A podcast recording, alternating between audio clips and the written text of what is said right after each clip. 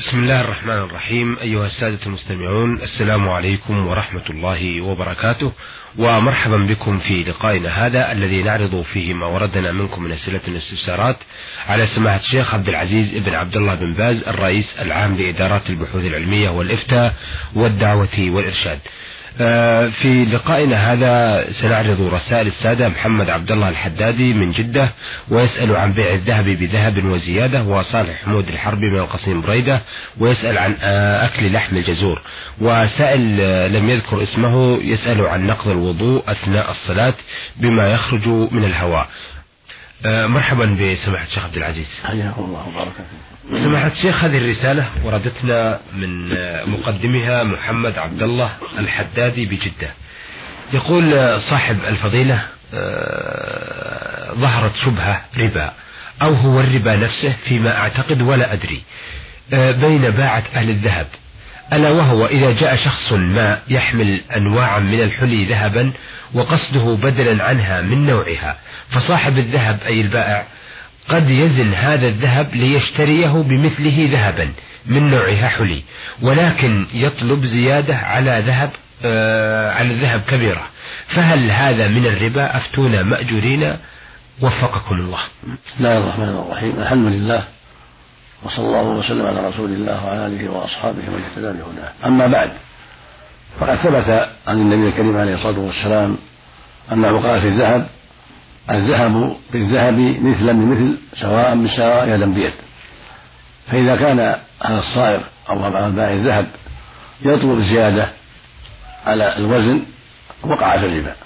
فإذا كانت الحلي المبذولة تزن عشرين مثقالا وذهبه كذلك.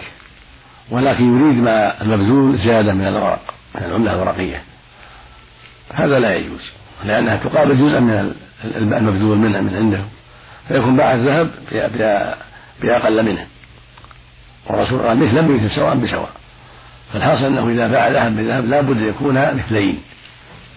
لا يزيد هذا على هذا لا من جنسه ولا من غير جنسه. فإذا زاد أحدهما ورقا أو شيئا آخر من السلع جاء الربا لأن الرسول قال مثلا بمثل سواء بسواء يدا وبهذا تعلم أن هذا البيع ربا نعم. أيضا لديه سؤال في نفس التبادل بالذهب. يقول إذا كان صاحب الذهب الذي يريد بدلا منه من نوعه فإنه يبيعه على صاحب الدكان الذي يتبدل منه فيغريه بزيادة ليزيد عليه من الناحية الأخرى. أما إذا لم يرد بدلا منه فإنه لا يعطيه تلك الزيادة أو الثمن الذي يعطي في المبادلة يعطى في المبادلة.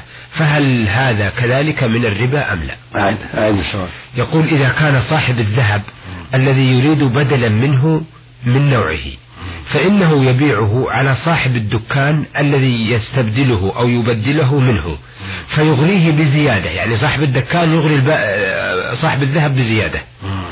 ليزيد عليه من الناحية الأخرى يعني في الذهب الذي سيعطيه هذا الذي أتى ليأخذ ذهبا. أما إذا لم يرد بدلا منه فإنه لا يعطيه تلك الزيادة في الثمن. فهل يعتبر هذا هذا, هذا لا يصلح أيضا لأنه بيع في بيع. نعم. يعني عقدان في بيع. يعني صفقتان في صفقة. نعم.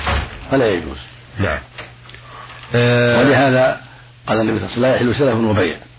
فهو يقول له إن شريت مني زدتك بكذا وما شريت مني ما أزيدك فالمعنى أنه شرط بيعا في بيع واشترط أيضا زيادة إذا كان يشتري منه يزيده شيئا. وإن كان ما يشتري منه ما يزيد هذا الشيء. فلا يصلح. نعم. آه هذه الرسالة وردتنا من القصيم من بريدة المرسل صالح حمود الحربي. يقول في رسالته بسم الله الرحمن الرحيم أصحاب الفضيلة السلام عليكم ورحمة الله وبركاته. وبعد ما هو الدليل الذي استند عليه الإمام أحمد رحمه الله بالإلزام بإلزام آكل لحم الجزور بالوضوء؟ وكذلك الدليل باستثناء الأجزاء التي لا تنقض الوضوء من لحم الجزور. هذه المسألة ليست خاصة بأحمد بل قاله أحمد وجماعة كبيرة من أهل الحديث. وحجتهم ما ثبت عن رسول الله عليه الصلاة والسلام من حديث جابر بن سمرة أنه سئل عليه الصلاة والسلام قيل يا رسول الله أنا أتوضأ من لحوم الإبل؟ قال نعم. فقيل له أنا أتوضأ من لحوم الغنم؟ قال إن شئت. فخير في لحوم الغنم ولم يخير في لحوم الإبل بل أوجب ذلك. وحديث براء بن عازب أيضا وحديث صحيح أن النبي عليه السلام قال توضأوا من لحوم الإبل ولا توضأوا من لحوم الغنم. فأمر بالوضوء من لحوم الإبل دون غيرها. هذا هو الحجة لأحمد ولغيره. من أئمة الحديث الذين قالوا بهذا. وقولهم هو الصواب. والذين خالفوهم احتجوا بحديث لا حجة فيه وهو حديث جابر. وقولها أنه قال كان آخر الأمر من رسول الله ترك الوضوء من مسة النار. فقول كان آخر الأمر من النبي صلى الله عليه وسلم ترك الوضوء من مسة النار لا حجة فيه. لأن هذا عام ومفسر مفسر بأنه أكل لحم غنم فتوضأ ثم صلى صلى ثم أكل من بقية اللحم. ثم صلى الصلاة الثانية ولم يتوضأ. وجاء له في عدة أحاديث أنه أكل من لحم الغنم ولم يتوضأ. فدل ذلك على أن ما مست النار نسخ الوضوء منه لأنها جاءت أحاديث كثيرة عنه عليه الصلاة والسلام أنه أكل مما مست النار ثم صلى ولم يتوضأ. فدل ذلك على أن الأمر بالوضوء مما مست النار قد نسخ. وقال قوم إنه لم ينسخ ولكنه بقي للندب فقط ولكن أظهر النسخ. لأن قال في حديث البراء توضأوا من لحم الإبل ولا توضأوا من لحم الغنم. فدل على أنه غير مشروع ولا مستحب ولا توضأوا من لحم الغنم. ولا في لحم الغنم إن شئت. فدل ذلك على أنه لا يجب ولا يشرع. نعم. وإنما الواجب الوضوء من لحم الإبل خاصة.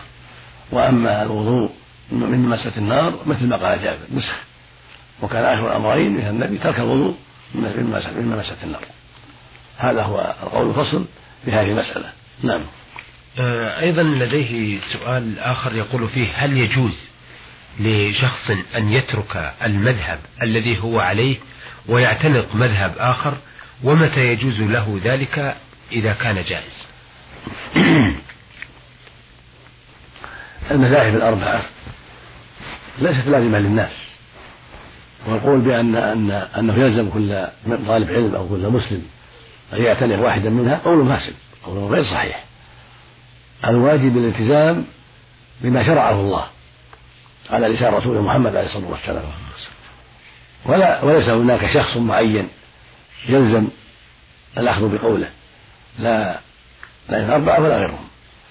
فالواجب اتباع النبي صلى الله عليه وسلم والسير على منهاجه في الأحكام والتشريع.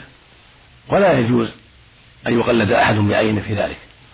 بل الواجب هو اتباع النبي صلى الله عليه وسلم والأخذ بما شرع الله على يده عليه الصلاة والسلام سواء وافق الأئمة الأربعة أو خالفهم هذا هو الحق. فبهذا يعلم أنه لا يتعين أن يلزم مذهبا معينا. فإذا أخذ بقول أحمد في مسألة وانتسب إليه ثم رأى أن ينتقل إلى مذهب الشافعي في هذه المسألة نفسها أو في مسائل أخرى قام الدليل عليها فلا بأس. أو مذهب مالك أو مذهب أبي حنيفة. المهم متابعة الدليل. فإذا كان في مسألة من المسائل على مذهب أحمد.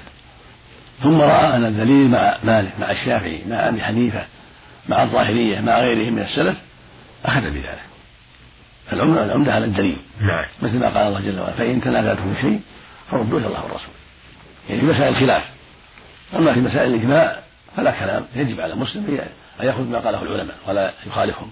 لكن مسائل الخلاف والنزاع طالب العلم ينظر في الدليل فإذا ظهر له الدليل مع أحمد أو مع مالك أو مع أبي حنيفة أو مع غيرهم أخذ بالدليل واستقام عليه. لا متابعة للهوى والشهوة لا ولكن متابعة للدليل. أما كون الإنسان يتنقل من مذهب فلان ومذهبا لهواه إذا ناسب المذهب هذا في مسألة ذهب إليه والآخر في مسألة ذهب إليه. اتباعا لهواه وشهوته هذا لا يجوز هذا تلاعب لا يجوز. لكن إذا كان بالدليل ينظر في الدليل وينظر في كلام أهل العلم ويرجح بالدليل لا لهواه بل لأخذ الأخذ بالدليل فهذا مأجور ومشكور وهذا هو الواجب عليه. نعم. نعم. آه، أيضا بالنسبة للحم الجزور له سؤال آخر يقول هل الذين لا يتوضؤون من لحم الجزور صلاتهم باطلة أم لا؟ نريد الإفادة أفادكم الله. كذلك سبق سبق أنه سأل عن الأجزاء الأخرى التي لا تنقل من الجزور من كالكرش والأمعاء نعم. وأشبه ذلك. مشهور مثل أحمد وجماعة أنه لا يتوضأ منها إنما يتوضأ من اللحم لأن الرسول قد توضأ من لحوم الإبل والكرش ما تسمى لحم عند العرب ولا يسمى الأمعاء لحم والكبد والطحال وأشباه ذلك وإنما اللحوم المعروفة الهبر المعروف. فلهذا قال أهل العلم إنه يتوضأ من الهبر من اللحم ولا يتوضأ من كرش وأمعاء ونحو ذلك. هذا هو المشهور عند أهل العلم القائلين بنقض الوضوء من لحم الإبل. وقال جماعة يلحق بذلك الكرش ونحوه وأنها كلها تلتحق باللحم لأن الله لما حرم الخنزير حرم لحمه وشحمه وكل شيء. قالوا هذا يلحق باللحم. والقول الأول أظهر من جهة تعليق الحكم باللحم وتفضل من لحم الإبل أما الخنزير فقد حرمه الله كله فلا ينظر في أمره بل كله حرام.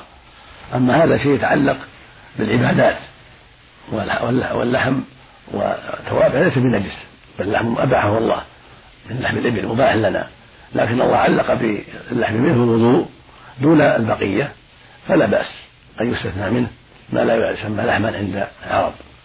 وإذا توضأ الإنسان من بقية الإبل مثل كرش والصيد والأمعاء مثل أذن مثل لسان إذا توضأ منها فهو حسن من باب الاحتياط نعم. من باب الخروج من الخلاف ومن باب الأخذ بالحيطة لأنها تابعة للحوم وليست لحوم تابعة.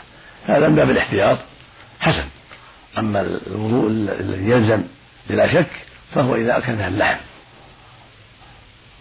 والسؤال الآخر. السؤال الآخر يقول هل الذين لا يتوضؤون من لحم الجزور صلاتهم باطلة أم لا؟ نرجو الإفادة. نعم إذا كان لا يعتقد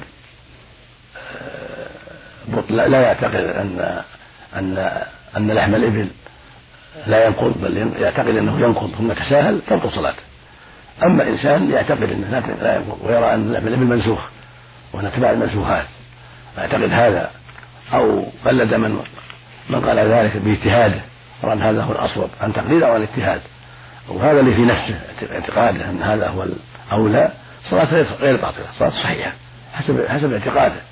من طالب العلم اجتهاد ورأى أن الإبل لا ينقض. فصلاته ليست باطلة. نعم. لأن هذا هو مقتضى علمه واجتهاده. أو جماعة مقلدين للمذهب الشافعي أبي حنيفة مالك ممن ممن لا يرى النقض لحم الإبل ويرون أن أنه لا حرج عليهم حسب اعتقادهم. تقليدا أو أو اجتهادا هؤلاء صلاتهم صحيحة. لكن إنسان يعلم أن أن أن لحم الإبل ينقض وليس عنده شبهة في ذلك ثم يتساهل يكون تكون صلاته باطلة لأن صلى غيره نعم.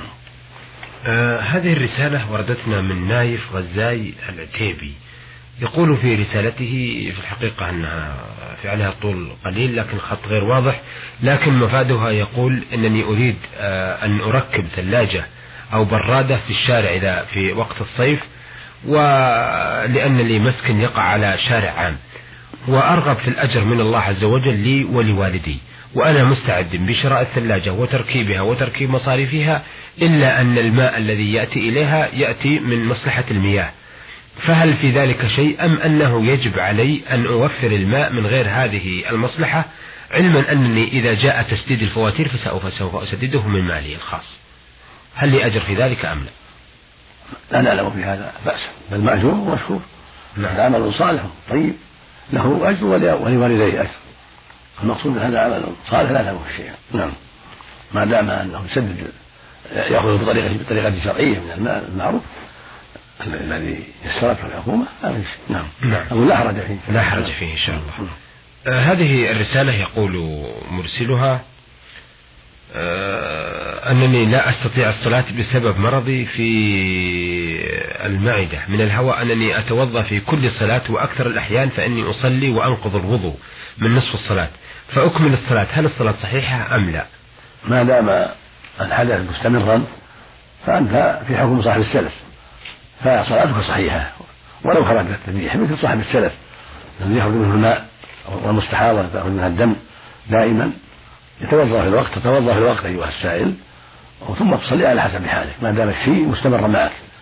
لا يكلف الله نفسا إلا وسعها. ولو خرج في الصلاة. ولو خرج في الوقت. ما دام توضأت في الوقت. ثم صليتها كما أمر الله. فخروج هذه الريح منك وأنت تصلي. أو قبل الصلاة أو بعد الصلاة لا يضرك ما دام مستمرا. في مستمر. مثل خروج الدم من المستحاضة التي يستمر معها الدم في وقت الحيض.